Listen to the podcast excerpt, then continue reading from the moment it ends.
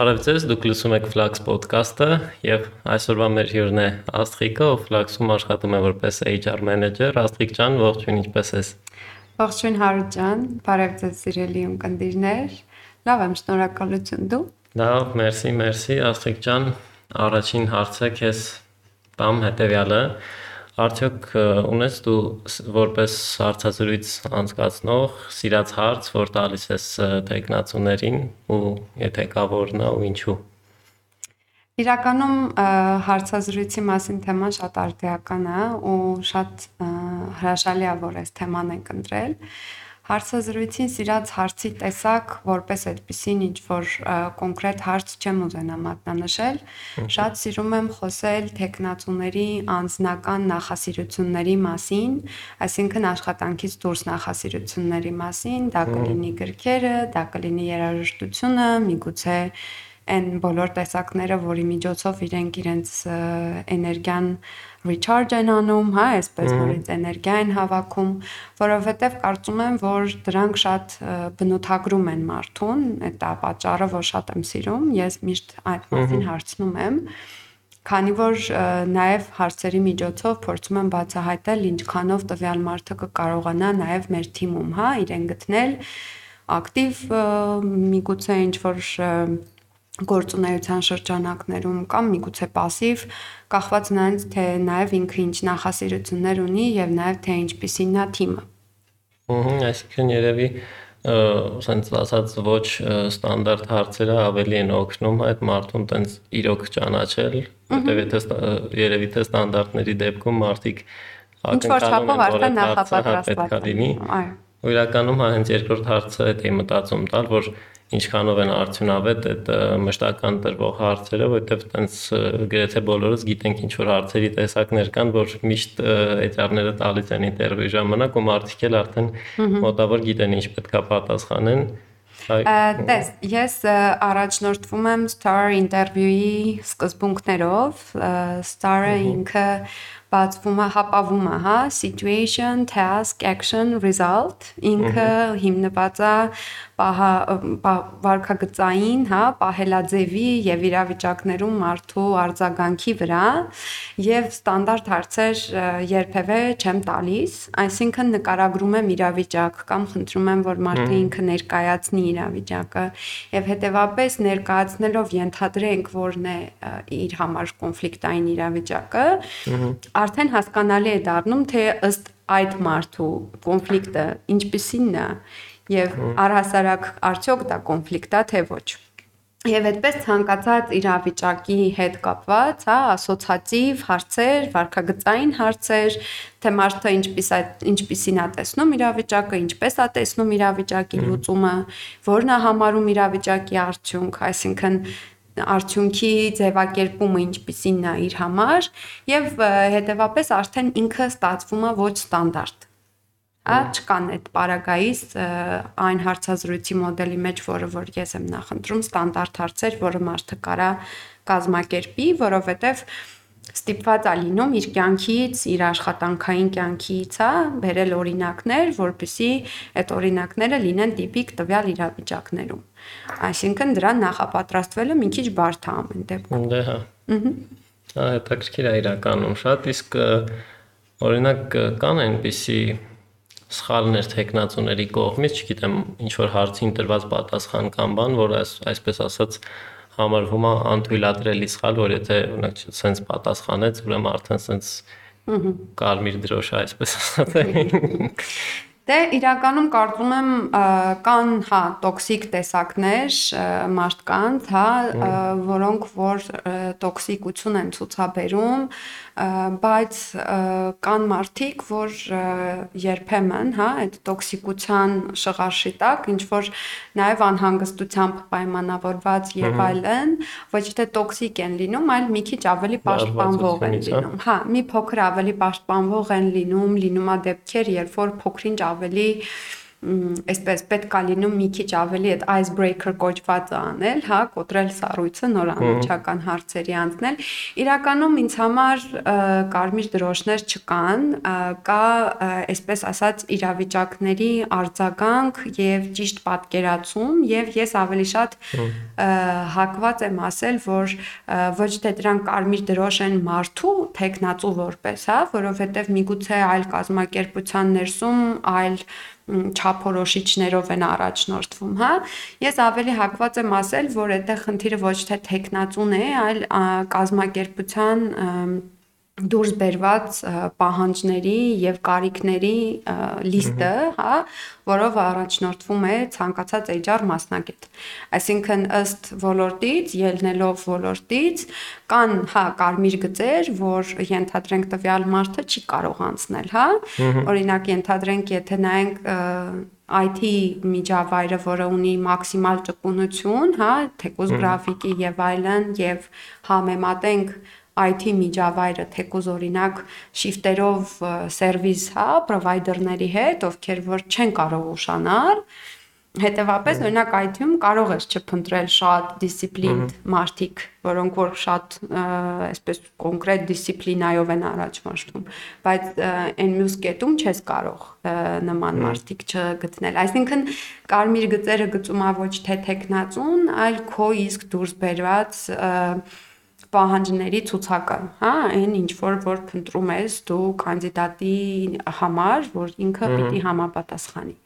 Իհարկե, եթե խոսքը չի վերաբերվում մարդկանց, ովքեր ենթադրենք հարցազրույցի ժամանակ փորձում են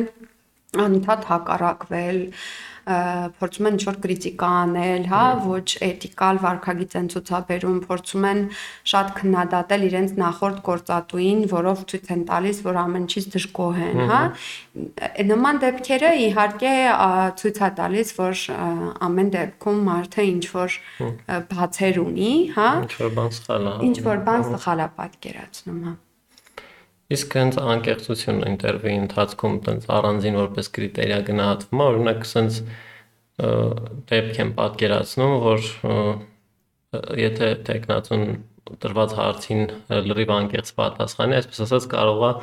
չտա ցանկալի պատասխան, ինչ որ այդ պահին HR ակնկալում է լսել ու կա տենց ինչ որ ոսկե սահման, հա, որտեղ այդ սահմանը ինչքան պետքա մարդը անկեղծ լինի կամ տա ճիշտ պատասխան, այսպես ասել, ճակերտավոր ճիշտ։ Ես կարծում եմ ամենակարևոր ճիշտ բանը, որ կարող է անել տեխնացուն, դա իր սպասելիքները ճիշտ եւ թափանցիկ ներկայացնելն է, որովհետեւ ցանկացած պարագայում, եթե անգամ դու ճիշտ ներկայանաս եւ գնաս կազմակերպություն եւ սպասելիքներդ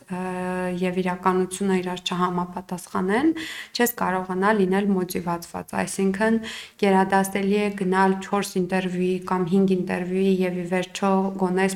սպասելիքների ցուցակից, եթե ունես 10-9-ի համապատասխանություն ձեռք բերել, քան փորձել հարմարեցնել, որովհետև ամեն դեպքում, երբ խոսում ենք աշխատակցի մոտիվացիայի մասին, աշխատակցի մոտիվացիան ձևավորվում այն ժամանակ, երբ որ իր սպասելիքներն ու ակնկալիքները համապատասխանում են այն իրականությանը, որտեղ որ ինքը աշխատում է։ Հետևաբար հարցազրույցին լինել անկեղծ սպասելիքների մեջ ամենախրախուսելի բանն է, որովհետև դա երկուստեք օգտակար է թե կազմակերպության համար եւ թե տեխնացուի, որովհետեւ տեխնացուն վստահ կիմանա, որ իրեն առաջարկվում է այն ինչ կա եւ այստեղ երկկողմանի, հա, մեդալ է եւ նաեւ կազմակերպություններին էլ կարծում եմ շատ կարևոր կետ ասա, որ միշտ ներկայացնել այն ինչ կա հա, անկեղծ եւ ասել այնինչ ունես,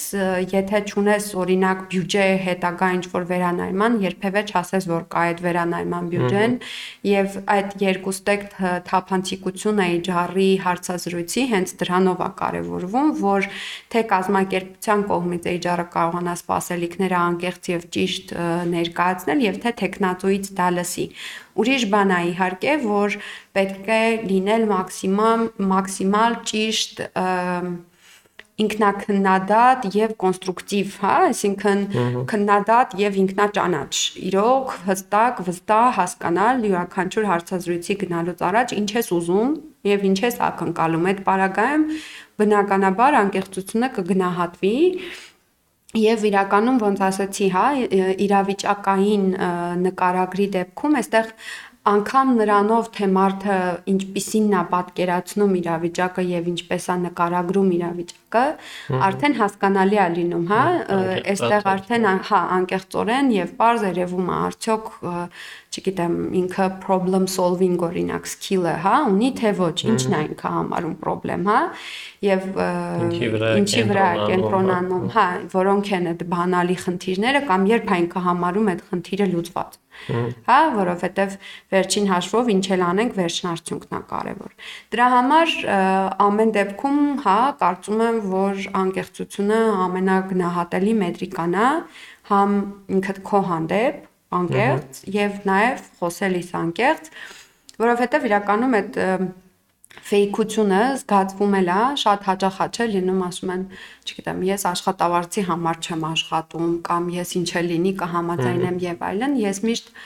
հակված եմ վերել կոնստրուկտիվության դաշտ եւ ասել, որ ինչ է լինի կաշխատեմը, տենց հնարավոր տարբերակ չի, եկեք իրար հետ հասկանանք ինչ ենք ուզում, հա, որովհետեւ այդ պարագայում ինչ որ ձևով չենք կարողանա մենք էլ, հա, որպես կազմակերպություն հասկանալ ինչ ինչն է լավ ենթադրենք ձեզ առաջարկելու։ Դե հա, այսինքն ինձ առաջին հերթին տեխնացուի համար էլ ես ոնց հասկանում եմ շատ կարևոր, որովհետև եթե ինքը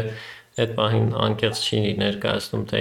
իրոք ինքը ինչ ա ուզում կամ որն այն գործը, որ ինքը կուզի, հնարավոր է իրան նաև սխալ առաջարկ լինի, որը կարա չգիտեմ մի քանի ամիս հետո ավելի վատ անդրադառնա իր կարիերայի ու աճի վրա։ Եվ բացի դա էլ իրականում դու գնալով հարցազրույցի երբեք չգիտես կազմակերպության իրական կարիքները լրիվ։ Այսինքն դու գիտես այդ հաստիքի շրջանակներում, բայց միգուցե քեզ լսելով, օրինակ ես HR պրակտիկայում շատ կան, հա, նմանատիպ դեպքեր, երբ որ մարդուն հարցազրույցի է հravirում մի հաստիկի համար, բայց ի վերջո ինքը հայտնվում է մեկ այլ հա, մեկ այլ հաստիքում, այսինքն տեսնում ես պոտենցիալը, հասկանում ես, կարողանում ես վերաուղորթես, միգուցե ինչ որ հա քննարկումից հետո այլ տեղում տեսնելով այդ մարդուն իր հետ հա, բանակցելով իրեն տանես այնտեղ, որտեղ ինքը ավելի համ կոնստրուկտիվ կլինի, համ պրոդուկտիվ կլինի, Դրա համար միգուցե HR էքսպերտ կոչվածի գաղափարն էլ հաշվի առնելով ավելի օգտակարել, հա, կարա լինի։ Ինչի՞ չէ, որովհետև կարծում եմ, որ բոլորս էլ մարդ ենք, որ ուղղորդման կարիք էլ հա կարող ենք ունենալ, դա էլ էլի մեզ ի վնաս չի աշխատի, որովհետև երբեմն մենք ինքներս միգուցե ավելի քիչ տեսնենք մեր պոտենցիալը, քան այն մարդիկ, ում հետ մենք առօրյա կյանքում կարող ենք հատվել, հա, չգիտեմ, HR հարցազրույցի շրջանակներում մեր գոլեգաները կամ Դե հա, հատկապես հա։ մասնագիտական աչքով եթե մեկը քեզ վերլուծում, հա, լրիվ ուրիշ հա։ Իսկ այս հենց մի հարց, օրինակ, նո փորձառու մարդկանց դեպքում մոտավոր parza, որ այսպես ասած կարելի է հենվել իր փորձի վրա, չգիտեմ, իր նախկին արածի վրա, իսկ այն դեպքերում, երբ որ օրինակ մարդ եկել է ու ունի աշխատանքային փորձ, այս դեպքում ավելի շատ ինչին է ուշադրություն դարձվում HR-ի կողմից ու այս դեպքում տեխնացուն ինքը ինչը պետքա փորձի ավելի շատ շեշտել ցույց տալ, եթե փորձ ունի առհասարակ։ Ես կարծում եմ այստեղ պատրաստակամության եւ նաեւ այսպես ներքին ցանկության խնդիր կա սովորելու, ադապտացվելու, հա, լինել բաց սովորելուն, քրիտիկային, լինել բաց նրան, որ ադապտացիան կարող է ինչ որ առումով մի քիչ բարդ տևել, լինել ինքնամոտիվացված, այսինքն սկզբնական этаպում ինքնամոտիվացիան է, հա, միակ առաջ տանող ուժը, ինքնամոտիվացված լինելը, որովհետև երբ որ դու նոր ես սկսում, դու ինքդ պիտի քո մեջ ներքին ռեսուրս ունենաս սովորելու ճանապարհը հաղթահարելու։ Այսինքն նոր սկսող մարդը պիտի հասկանա նաև, որ պոտենցիալ եւ ամբիցիա ունենալու համահավասար պիտի նաև ունենա համբերություն եւ մոտիվացիա այդ բոլոր ճանապարհները աստիճանաբար հաղթահարելու։ Երբեմն ես հանդիպել եմ դեպքեր, որ մարդ ունի ամբիցիա, բայց միևնույն ժամանակ ճանապարհը օրինակ ինքը այդպես լրիվ չի պատկերացնում, օրինակ տարիներին, երբ ես էի սկսում աշխատանքային փորձս շատ ընդունված էր կամավորությունը, internship-ը եւ այն տարիներին ինքը հենց կամավորություն որպես չէր վճարվում։ Ես իրական շատ ուրախ եմ, որ հիմա կա վճարովի, հա, internship գաղափարը, որովհետև նախկինում չէր վճարվում, բայց հենց նաև նրանով, որ չէր վճարվում, ավելի շատ էր մաղվում, հա, այն մարդկանց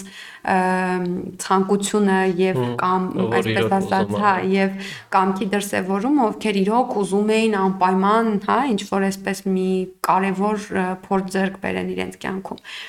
Իրականում հիմա էլ շատ ուրախ եմ ու տեսնում եմ, որ շատ ձևավորվել է մեզ մոտ, հա, այդ internship-ի գաղափարը եւ այդ սկսնակներին, բոլորին, ովքեր որ նոր այդ ճանապարհը պիտի անցնեն, ամենակարևոր բաները, որ դուրս բերենք վերադառնալով հարցիդ, կասեմ, որ լինեն ինքնամոտիվացված, լինեն բաց սովորելու, ցանկացած տեսակի ինֆորմացիա այսպես սպունգի նման կլանելու, դա կլինի իրենց կողքը քննարկում, դա կլինի իրենց առաջարկված գիրք, դա կլինի ինչ-որ տրեյնինգ, որ ինչ-որ տեղ տեսել են, փորձեն բոլոր կողմերից հնարավորինս շատ ինֆորմացիա հավաքել են մասնագիտության մասին, ինչը որ իրենք ընտրել են։ Եվ երրորդը, երբ որ գան հարցազրույցի, փորձեն ցուցաբերել այդ կամային իրենց որակը, կամք եւ ցանկություն սկսելու անել նոր բան, սովորելու եւ այդ չլինի շատ ինչ որ շատ այսպես ամբիցիոզ ինչ որ մի բան, որը տակը փորձառնություն չունի, հա, այսինքն վատ բան չէ լինել ամբիցիոզ, բայց երբ ճունես ինչ որ յետևումդ ինչ որ փորձ, ինչ որ պատմելու օրինակ եւ այլն, դա ուղղակի շատ արհեստական է հնչում եւ HR-ները եւ նաեւ մասնագետ մարդիկ միգուցե ճիշտ չհասկանան, հա, այդ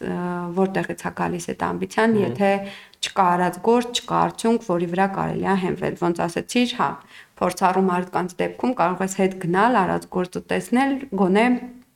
չափման միավոր ունենալ։ Այստեղ պիտի համբերատար լինել այնքան, որ այդ միավորը ստեղծես։ Իսկ ես նաև երևի թե ասվածը վերաբերվում է այն դեպքերին, երբ որ մարդ փորձ ունի, բայց այլ ոլորտում, չէ՞, որտեղ հիմա այս վերջին տարիներին հատկապես շատ որ մարդիկ տեղափոխվում են IT ոլորտ ու կարելի ասել 0-ից սկսում են նոր մասնագիտություն, չնայած ունեն, չգիտեմ, միգուցե ասենք 5 տարվա փորձ, բայց լրիվ ուրիշ ոլորտում։ Երևի էլի այս մարդկանց դեպքում էլ չէ, այդ համբերությունն է պետք է։ Միանշանակ իրականում հա այստեղ շատ կարևոր բան կա, որ վերջերս այդ տենդենսին ես էլ հանդիպել եմ ու բավականին շատ հարցազրույցներ էլ ունեցել եմ, հա, որ օրինակ բանկային համակարգից են տեղափոխվել IT եւ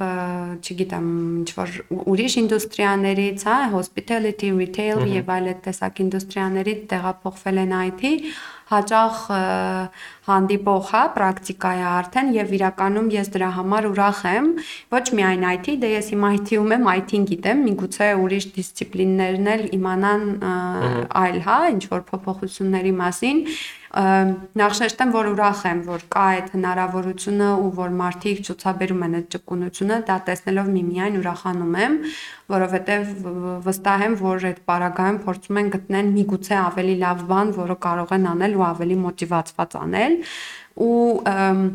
Այստեղ մի հատ բան կա, որ մեծ մասամբ յուրաքանչյուր ոք ով արդեն այդ քայլին դիմել է, հենց այդ համբերությամբ էլ է գալիս են, հա, արդեն հարցազրույցի եւ գալիս են ու առաջին իսկ բանը, որ ասում են, դա նաև որ գիտակցում են, որ դիսցիպլինի փոփոխությունը արդեն իսկ չի ենթադրում նույն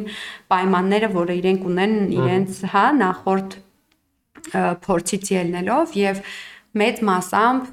արդեն իսկ գալիս են պատրաստ ճկուն եւ այսպես հան համբերատար կարգավիճակում արդեն իսկ, հա, որովհետև իրենք էլ ունեն այդ ինքնակնդատ եւ ինքնագիտակից պահը, որ միգուցե եւ ինչ էլ որ ձեռք են բերել, այստեղ կիրառելի չլինի։ Բայց ամեն դեպքում շեշտեմ, որ ամեն դեպքում մարդ, ով որ աշխատանքային process-ների միջով անցել է, ով որ որ փորձ ունի աշխատելու, կոլեկտիվում ինքնադրսևորվելու եւ այլն, ամեն դեպքում անգլերեն ասած blank list չի, հա, դատարկ թուղթ չի։ չես կարող համեմատել ուսանողի հետ, որը համասարանից է գալիս եւ հա, այստեղ թե ունակությունների, թե կարողությունների, թե մշակույթների, հա, այստեղ ցենց բավականին մեծ տարբերություն կա։ Հետաքրքիր է շատ։ Իսկ մի հատ sense հարց եմ ուզում քեզ տալ, շատ նկատել եմ, որ տենց բավական հաճախակի LinkedIn-ում քննարկում են HR-ների հետ կապված հարցեր, ըստ քեզ որն է դրա պատճառը։ Որովհետև HR-ը կոնկրետ դիսցիպլին չի։ Այսինքն HR-ի մետրիկաները կոնկրետ ուղղակի ինչ որ միտեղ գրված մեկին գումարած մեկ հավասար է երկու չեն։ հստակ կանոններ չկան։ Ա, Այսինքն կան, բայց ա, մարդիկ բոլորը դա չգիտեն։ Կան էթիկալ կանոններ, հա, էթիկալ նորմեր, ինչ որ ա, թույլատրելի, անթույլատրելի սահմաններ, գծեր, որի մասին կարելի է մարդու հետ խոսել, որի մասին ոչ, ինչ որ էս տեսակ բաներ, ա, եւ ոնց որ քանի որ ինքը մարդկային ոլորտ է, մարդկանց մասին ոլորտ է, բնականաբար այստեղ յուրաքանչյուր մարդ ա, գալիս է արտահայտելու իր կարծիքը։ Այսինքն, այստեղ պետք է հասկանալ, որ ինչքան որ ինքը մարդկանց մասին դիսցիպլին է, հենց ուղիղ այդքան էլ մարդիկ իրավասություն են իրենց վրա վերցնելու դրա մասին խոսելու։ Հա, այսինքն իրենք շատ չեն խորանա, շատ չեն մտածի, չեն քննարկի մի քանի անգամ ինչի այդ որոշումը այդպես, հա, ինչի են իրենց այդպես ասել։ Հաճախ եմ տեսնում, որ ասում են LinkedIn-ում հայերեն գրենք։ Ես հայերենի շատ կողմնակից մարդ եմ, բայց չէ որ LinkedIn-ը միջազգային եւ անգլերենով առաջնորդվող պորտալ է։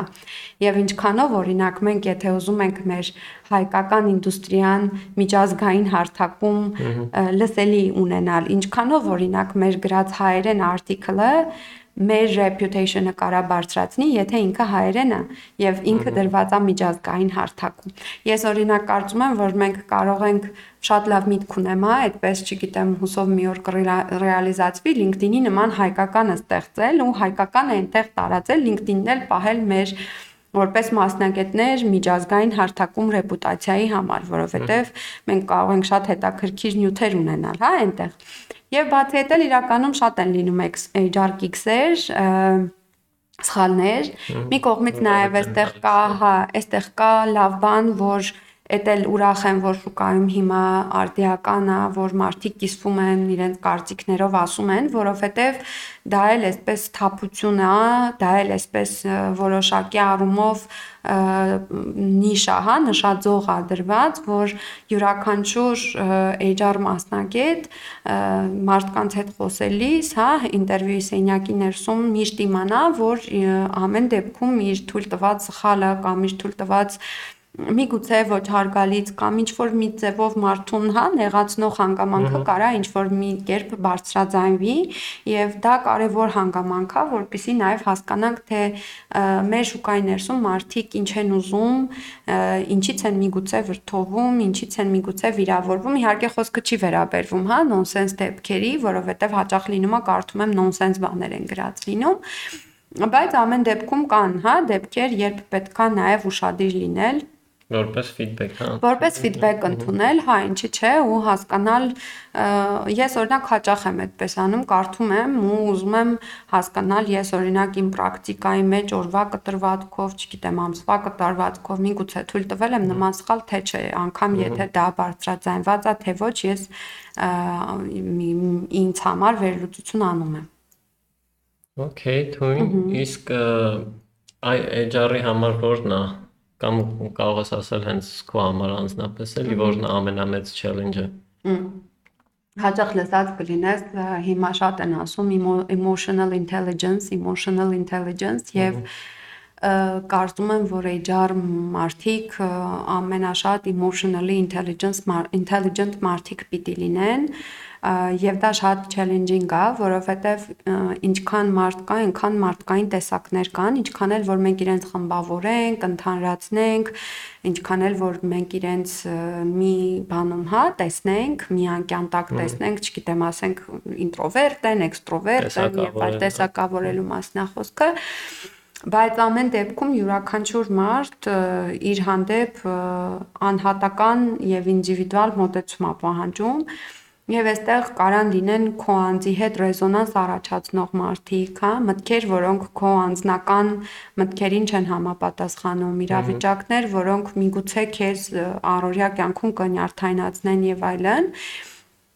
Եվ բնականաբար լինելով դու էլ ինքդ էլ մարդ, որը իր սեփական էմոցիաներն ունի, պիտի կարողանաս այստեղ ամենա-challenging կտորը դա է, որ կարողանաս դրանք ճիշտ նախ արձագանքես, քո non-verbal verbal communication-ում ցույց չտաս, երբևէ այսպես է, չոր չառանձնացնես լավ կամ վատ, չառանձնացնես սիրելի կամ ոչ, այսինքն HR մասնագետի համար կարծում եմ առհասարակ ամենաբարդ բանը անznային դաշտից դուրս մարդկանց ընկալելն է, այսինքն քո սեփական էմոցիաներից, կարծիքից, տեսակետից, քո պատկերացումներից դուրս մարդուն տեսնելը, հա, դա ամենաբարդ challenge-ն է, որպես մարդ այդտեղ դու քո վրա պիտի աշխատես, որպես մասնագետ կայանալու համար, այսինքն ինքը այստեղ երկուստեք double sided մեդալ է։ Թվում է դա բավականին բարդ բան է ու երևի թե ոչ ամեն մարդու համար։ Հա, ես դրականում նկատել եմ, որ անգամ եթե մարդիկ ով գնում են HR, ինչ որ X ժամանակ հետո եթե quit են անում, ապա պատճառը հենց դա է լինում, որ ինչ որ շատ empathy են ունենում, միգուցե շատ խորքային, շատ են ապրում ակցում կամ միգուցե որտեվ շատ են ասում, հա, HR-ին մոտիվացնող չկա։ Ինչի են այդպես ասում, որովհետև հա HR-ը հանդես է գալիս թիմը, մարդկանց մոտիվացնելու եւ այլն,